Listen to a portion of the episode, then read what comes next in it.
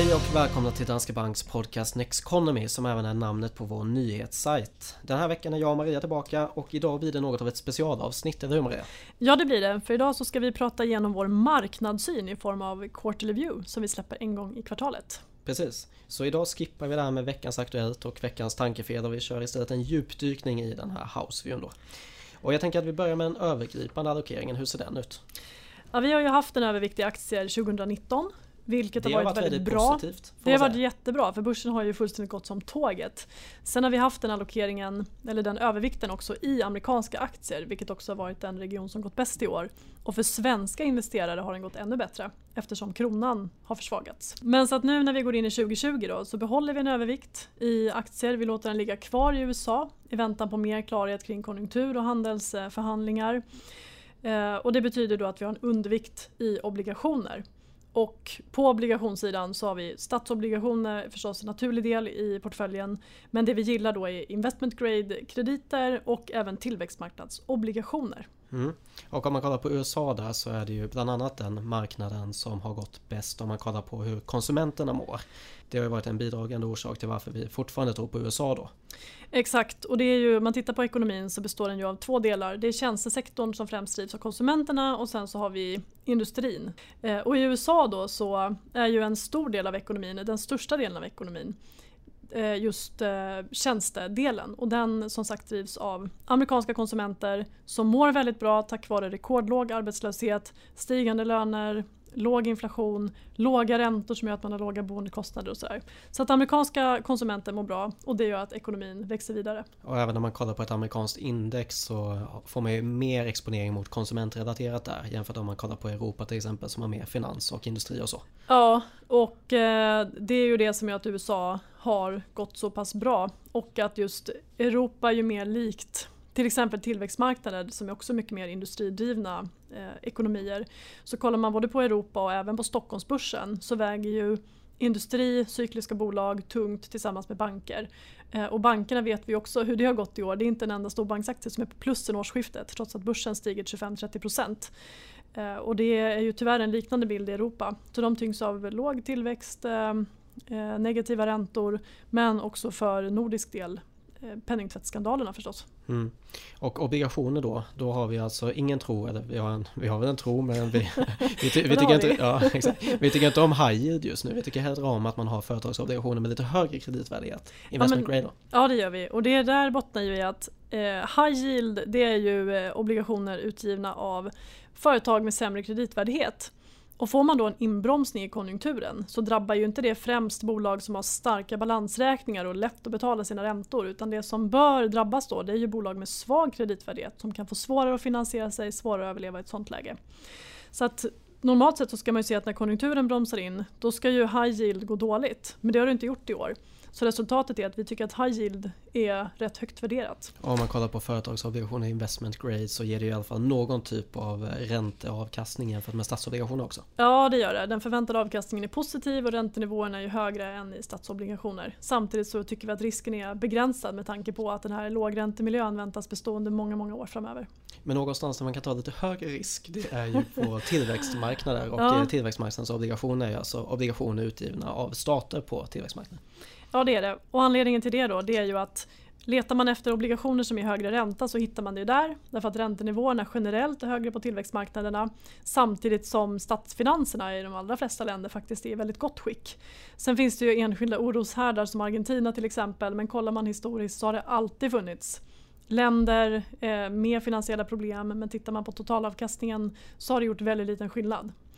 Eh, Så att högre räntenivåer och vi tycker att priserna där mycket bättre reflekterar att osäkerheten har ökat. Så att det tycker vi är någonting som man kan addera i portföljen för lite mer avkastning på räntesidan. Precis, högre risk och eh, högre avkastning och då gynnas ju de av eh, den här jakten på avkastning, TINA-fenomenet. Ja, och jakten på avkastning den har ju pågått ganska länge nu. Den tvingar ut investerarna på riskskalan för att man ska få någon avkastning överhuvudtaget.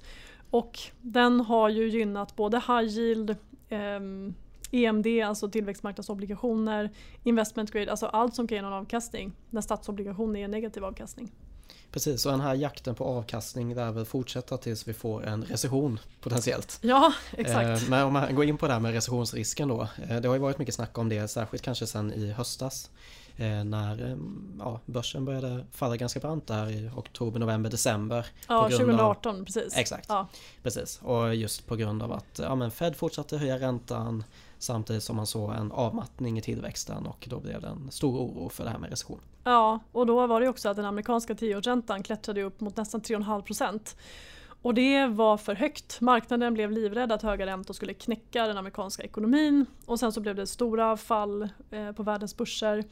Och det största raset var ju på juldagen förra året. Så att, eh, Stockholmsbörsen var ju stängd men satt man hemma och hade på sig på någon sån här flashar på telefonen så bara rasade det in meddelanden om att börsen föll 5% i USA. Så det Ja. var stökigt. Jag har faktiskt en personlig anekdot från den här tiden. Berätta. Det är faktiskt så att jag var tvungen att sälja av en del av min portfölj för jag skulle ha det till ett eh, bostadsköp, alltså till en kontantinsats under våren. Eh, Så jag, jag hade Så faktiskt... du bes- hade den placerad på börsen fast du skulle köpa en bostad så nära i tiden? Ja men det var just för att jag bestämde mig för att köpa en bostad. Alltså det var i oktober förra året. Eh, oktober, november där någon gång. Och grejen var den att ja, men då visste jag att jag skulle behöva eh, till kontantinsatsen så jag var tvungen att sälja av en del av portföljen. Och grejen är den att ja, men då tänkte jag att ja, men jag vill inte sälja av allting direkt. För vad händer om börsen fortsätter stiga? Detta var alltså typ i november någon gång. Ja, Så jag bestämde mig för att sälja av hälften direkt och sen vänta med den andra hälften. Men jag var tvungen att sälja av det innan första januari. Det var liksom det jag hade bestämt mig för. Så jag väntade ju hela vägen ner där. Aj, och, aj, och ja, jag sålde verkligen på, alltså jag tror jag sålde typ 26-27 någonting. Oj oj. Så, eh, ja, Tråkigt. ja men det är sånt som händer. Men, och då känner man ju av det här verkligen hur, alltså den här känslan av att se allting gå ner och eh, vara mitt inne i det. Ja, och vi som eh, ständigt får ge råd om hur man ska tänka med sparande på Ja, lång och kort precis. sikt. Exakt. Vi säger ju alltid att pengar man behöver de närmsta åren, de ska inte stå på börsen. Ja, exakt. Ludvig. Ja men precis, men och jag, jag, det var, jag var ju ändå så här, jag var ju tydlig med att jag skulle sälja av det. Men det är Ja. bara svårt att ta den där direkt eh, försäljningen. Ja, man, det är ju det här fear of missing Ja, men out. exakt. Alltså, om man säljer och sen står utanför så är det smärtsamt. Ja, en Även om du ändå skulle köpa en bostad ganska nära i tiden. Ja men exakt, och en kombination med förlustaversion också. Ja. Just eh, det där tror jag i sen när det börjar gå ner och så tänker man att nu vill jag inte sälja det här med förlust. Och sen så fortsätter man gärna ner så, så långt som man kan tills man tvingas sälja. Ja, och då ska man ändå säga att du är något av en expert på tankefel. Precis. Och borde veta allt om hur man undviker dem. Exakt, men som Kahneman säger, även fast man eh, vet om dem så kommer man göra dem ändå, Ja. tyvärr. Ja, Så det. därför ska man hålla sig till en tydlig strategi nästa gång. Bra, men okej, vi var inne på recessionsrisk. Ehm, hur ser det ut idag då? Den var ju hög under stora delar av den här år, det här året. Och man kan väl säga att någonting som varit lite motsägelsefullt under 2019 det är att samtidigt som marknaden varit livrädd för att det är en lågkonjunktur på gång så har ju börsen fortsatt uppåt. Så att hotande lågkonjunktur, handelskrig, nya tullar, börsen uppåt. Det är ju rätt så märkligt egentligen. Men det som hänt nu på slutet det är ju faktiskt att oron har minskat och det beror ju på att man sett en stabilisering framförallt i industrikonjunkturen. Så att där ser det bättre ut, man behöver inte vara riktigt lika orolig för den längre. Eh, förhoppningsvis så fortsätter den där under nästa år. Sen har vi också ett handelsavtal som eller handelskonflikt som har utvecklats åt rätt håll äntligen. USA och Kina är åtminstone överens om att man ska försöka få ett delhandelsavtal på plats, kanske innan årsskiftet. Ehm, så att den politiska risken har också minskat och det där har gjort att risken för en recession som tidigare bedömdes vara kanske 30% åtminstone, den har kommit ner. Den är ju fortfarande inte borta på något sätt, den är, den är absolut förhöjd. Ehm, men den är inte 30% längre. Mm. Men vi har, vi har i alla fall sluppit den här inverterade räntekurvan för en stund. Ja, och det har ju varit en av de mest pricksäkra indikatorerna på en lågkonjunktur. Den har förutspått varje recession tillbaka till andra världskriget. Så att när den där inverterade, dels under 2018 men sen under eh, ja, stora delar av förra året, då var ju marknaden livrädd. Så att det är ju skönt att den inte inverterar längre. Det är ett gott tecken. Ja, det får vi säga. Ja. Eh, precis. Och sen om vi går vidare till det här med penningpolitiken som ju, de gjorde en helomvändning här från förra hösten och eh, fram till idag kan man säga. Eh, hur ser det ut eh, där just nu? Ja, men den U-sväng som vi sett i år där Fed gick från att höja 2018 till att sänka tre gånger i år och ECB också gick från att signalera en höjning nu under hösten 2019 och slutade stödköpa obligationer eh, så um, väntar vi oss ju nu att båda de centralbankerna kommer ju snarare ligga på liksom ett pausläge. Så att Fed väntas inte göra någonting på ett tag. Vi tror att om de gör någonting under nästa år så är det snarare en sänkning till men inte så mycket mer än så. Ehm, och även för europeisk del så ligger ju ECB stilla. Och de har ju sagt att räntan kommer förbli på den här nivån. Stödköpen om 20 miljarder euro per månad kommer fortsätta tills inflationen varaktigt närmar sig 2 målet Och det är ingen som tror att den kommer dit under lång tid framöver. Så att låga räntor under åratal framöver. Och mm. även för svensk del, även om Riksbanken skulle höja räntan med 25 punkter i december. Precis, och räntan för ECB ligger på minus 0,5 idag. Ja. Precis, och du var inne på det här med TINA tidigare. Det är ju ett, eh, ja, det är en, en, det blir ett resultat av den här penningpolitiken. Ja, there is no alternative Exakt. till aktier. Precis, och det spär ju på avkastningen på aktiemarknaden, eller uppgången som vi har sett. Ja, det gör det och det går ju att motivera att värderingarna kanske ser lite höga ut i ett historiskt perspektiv. I alla fall på vissa marknader också. Därför att om obligationer inte ger någon avkastning överhuvudtaget, ja då kanske det är helt okej att betala en premie eh, relativt hur det sett ut historiskt på aktiemarknaden. Precis, och vi var inne på det här med den politiska risken. Handelskriget har det ju pratats mycket om under hela året. Eh, hur, hur ser det ut där nu och vad tror vi framöver? Ja, det första steget är det här delhandelsavtalet och det finns väl en hyfsat god chans att man ror i land det innan det här året är slut. Annars har vi ju nästa hållpunkt den 15 december när Trump ska höja tullarna igen. Sen kan det vara så att han avstår från det för att han tycker att förhandlingarna förlöper väl eller någonting. Men 15 december ska man hålla koll på. Sen förhoppningsvis får vi det, på, får vi det på plats eh, och när vi går in i 2020 då så får vi vänta på ett mer omfattande avtal. Men mm. då är det ju mycket svårare frågor som man ska lösa. Just det. Och det, det är intressant det där med Trump också. Han är ju något oberäknelig men det är svårt att veta om det är så att han eh, mest vill vara den där hårda presidenten som mm. står fast vid sina ord eller om han eh, fokuserar på aktiemarknaden och eh, vinna valet eh, på det sättet. Han har ju ofta liksom mätt sin egen framgång i börsuppgång. Och det gjorde han ju även nu i veckan när han först sa att det, man kan mycket väl vänta med ett handelsavtal tills efter valet 2020. Det kanske till och med vore bättre. Ja, så gick marknaden ner. Mm. Och då säger han ju att ja, men den lilla nedgången är ingenting jämfört med det enorma börsvärde som jag har skapat sedan jag tillträdde som president. Ja, så att han vill ju gärna referera till aktiemarknaden. Precis. Eh, så att jag tror att nästa år så är han ju ändå intresserad av att börsen stiger eller åtminstone förblir stabil på höga nivåer och att amerikansk tillväxt taktar på. Och det är därför han håller på försöker påverka Fed också, sänka räntan mm. mer. Han tycker att nollräntan ska vara noll. Ja exakt. Precis, men de här stora frågorna som finns kvar i handelskriget, då, vilka är det som man måste diskutera fortfarande? Ja, dels om man nu sluter ett första delhandelsavtal så väntar man sig att man rullar tillbaka vissa tullar men bara de som kommit under hösten. Mm. Och det är ju bara den liksom lilla delen på konsumentvaror så att hela den här jättebatchen med tullar som man infört sen det här började eh, för ett och ett halvt, snart två år sedan. Ja. Den måste man fortfarande komma överens om hur den ska trappas ner. Men den svåra biten det är ju teknologiområdet. Ja. Alltså skydda patent, immateriella rättigheter, eh, tvångsöverföring av teknologi, eh, IP-stölder, dataintrång. Mm. Alltså hur reglerar man det och hur i hela världen ska man kolla att Kina efterlever det där? Just det. det är svåra frågor. Ja det är det. Eh, ska vi ta lite snabbt om Brexit också? Vi får ett nyval här den 12 december. Det får vi och baserat på undersökningar ser det ut som Boris Johnson kommer få majoritet i parlamentet när det valet är över. Det betyder att han kommer kunna lotsa igenom sitt Brexit-avtal som han har med EU.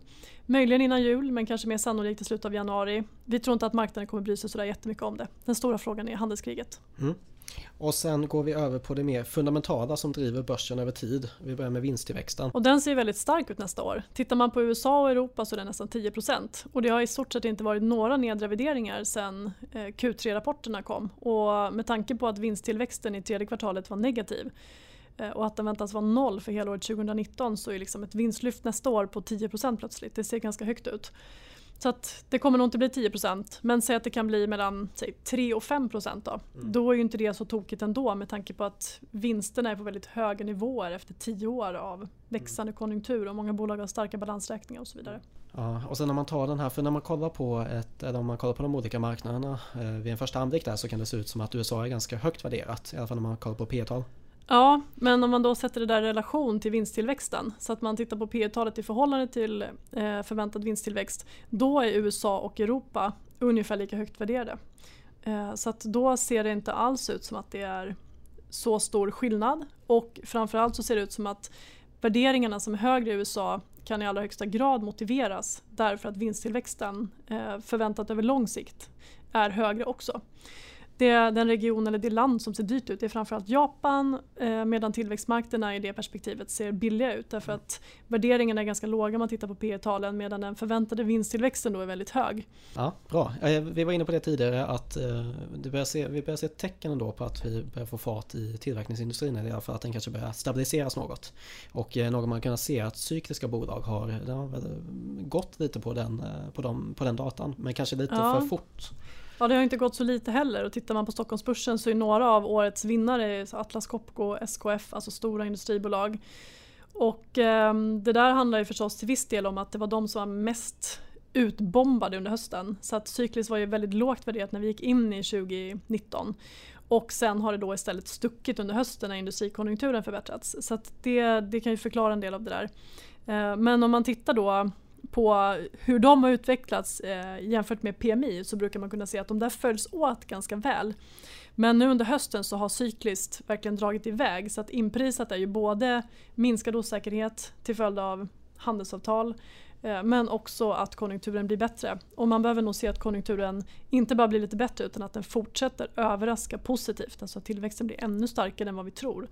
Eh, för att cykliskt ska kunna fortsätta gå lika bra. Så att man ska inte kasta sig på det cykliska tåget för tillfället tycker vi. Utan vi behåller, samtidigt som vi har en övervikt i aktier, så är vi lite försiktigare med att gå på industri, material, de här absolut mest mm. cykliska sektorerna på börsen. Just det.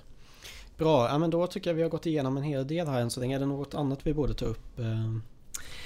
Nej, men jag tycker att vi har täckt ganska mycket faktiskt. Mm. Eh, men man kan väl säga att inför nästa år så är vi, vi är fortfarande positiva till börsen. Det mm. kan säkert vara turbulent från tid till annan men mer potential ändå i aktier än i obligationer. Så världens konsumenter fortsätter hålla hjulen igång. Mm. Låga räntor driver ekonomin. Um, och förhoppningsvis så får vi en viss lättnad också på den geopolitiska fronten. Mm. Så som det ser ut idag då så i en sån här 50-50 portfölj då som vi varit inne på så har vi 55% aktier och 45% räntor. Ja. Men vad skulle behöva hända för att vi ska dra ner den där från så att det blir en 50-50 igen då? Alltså vi var ju ganska nära att göra det kan man väl säga under förra året när just räntekurvan var inverterad. Eh, industrin bromsade in mer än vad man hade väntat sig och risken för en recession tedde sig hög. Ehm, då gjorde vi fortfarande bedömningen att det skulle stabiliseras med hjälp av penningpolitik eh, och konsumenterna och som, nu blev ju det rätt så därför har ju övervikten varit, varit rätt. Men skulle man se att den här stabiliseringen vi sett nu viker neråt igen. Donald Trump eskalerar handelskriget, det blir inget handelsavtal utan det blir 5% högre tullar på alla varor. Um, ja men i ett sånt läge så ska man ju definitivt överväga att dra ner den där risken. Mm. Åtminstone till neutral. Precis, och om vi vänder på det då om eh, tillväxten skulle ta fart här under 2020 vad skulle det innebära för våra, vår syn på aktieregionerna? Det skulle kunna göra att vi tittar på en övervikt istället i Europa eh, eller i tillväxtmarknader. För det är ju eh, regioner som har betydligt mer exponering som sagt mot industrin och eh, högre tillväxt, minskad osäkerhet bör allt annat lika gynna de regioner som drabbats hårdast av handelskriget och då handlar det om tillväxtmarknader och den europeiska ekonomin. Men eh, som sagt i det här läget så tycker vi att USA är mm, liksom bra val Eh, med liksom sund tillväxt i grunden. Man har möjlighet att sänka räntan om det skulle bromsa in igen. Det har vi inte för europeisk del. Mycket exponering mot amerikanska konsumenter som för tillfället mår väldigt bra. om man tittar på förtroendeindikatorer så ligger de på historiskt höga nivåer. Så att vi tycker att USA är och förblir ett tag till ett bra val. Och sen så vill jag också säga att vi tittar ju långsiktigt på marknaden så att vi gör ju avkastningsprognoser på 12 månaders sikt. Så att även om vi tror att handelskriget kan liksom förvärras lite i närtid eller det kan vara turbulent därför att Trump fortsätter fram och tillbaka med twittrande så gör inte vi allokeringsförändringar baserat på det. Utan om vi ska dra ner allokeringen till neutral i aktier till exempel då ska det vara därför att vi verkligen ser att om 12 månader så är risken att börsen inte har gett någonting mer eller att den till och med står lägre. Så att vi blickar ju längre fram än närmsta månaden eller månaderna. Mm. Och det där kan man nästan jämföra med ett eh, klassiskt Warren Buffett-tänk när man kollar på bolag. Att man fokuserar mer på vad som händer i bolaget än vad som händer med aktiekursen. Ja. Och så är det ju även när man kollar på marknadssyn och olika regioner och så. Att det är snarare, ja men vad ser vi i datan? Det är det som ska påverka. Ja, inte vad som händer på börsen Nej. den närmsta tiden. Så. Precis, för då är det lätt att man hamnar i det här jaga marknaden. Mm. Perspektivet och att man börjar både försöka jaga den när den går uppåt och sen att man säljer för sent när den går neråt. Utan man, man måste titta på fundamenta, försöka ha ett långsiktigt perspektiv och en strategi och sen hålla fast vid den. Precis. Och det är ju extra viktigt för oss som sitter med mer långsiktiga strategier för kunder och fondportföljer. Ja exakt. Och tillbaka till det här som Kahneman säger då att eh, även om man känner till alla, alla de här tankefelen så är det väldigt svårt att stå emot dem när det svänger som kraftigast både uppåt och neråt. Mm. Och sättet att då stå emot dem det är att ha en väldigt tydlig strategi eller investeringsprocess så att man håller sig till den över tid. Mm. Var det ett litet veckans citat ändå här? Ja, men det vet jag inte om det är ett citat men jag kan kanske slänga in något som har med det att göra. Men, men vi, tar det, vi tar det nästa gång, kommer Ja. ett eh, citat. Bra. Ehm, då tycker jag att vi avrundar för idag. Ni får jättegärna ställa frågor på Twitter eller i frågeformuläret som vi lägger upp i avsnittsbeskrivningen här. Gör jättegärna det. Kom med input. Vad vill ni höra mer om, mindre om? Exakt. Eh, bra, nästa avsnitt kommer om två veckor. Tack för att ni har lyssnat denna gången. Tack för idag. Vi hörs, tack och hej.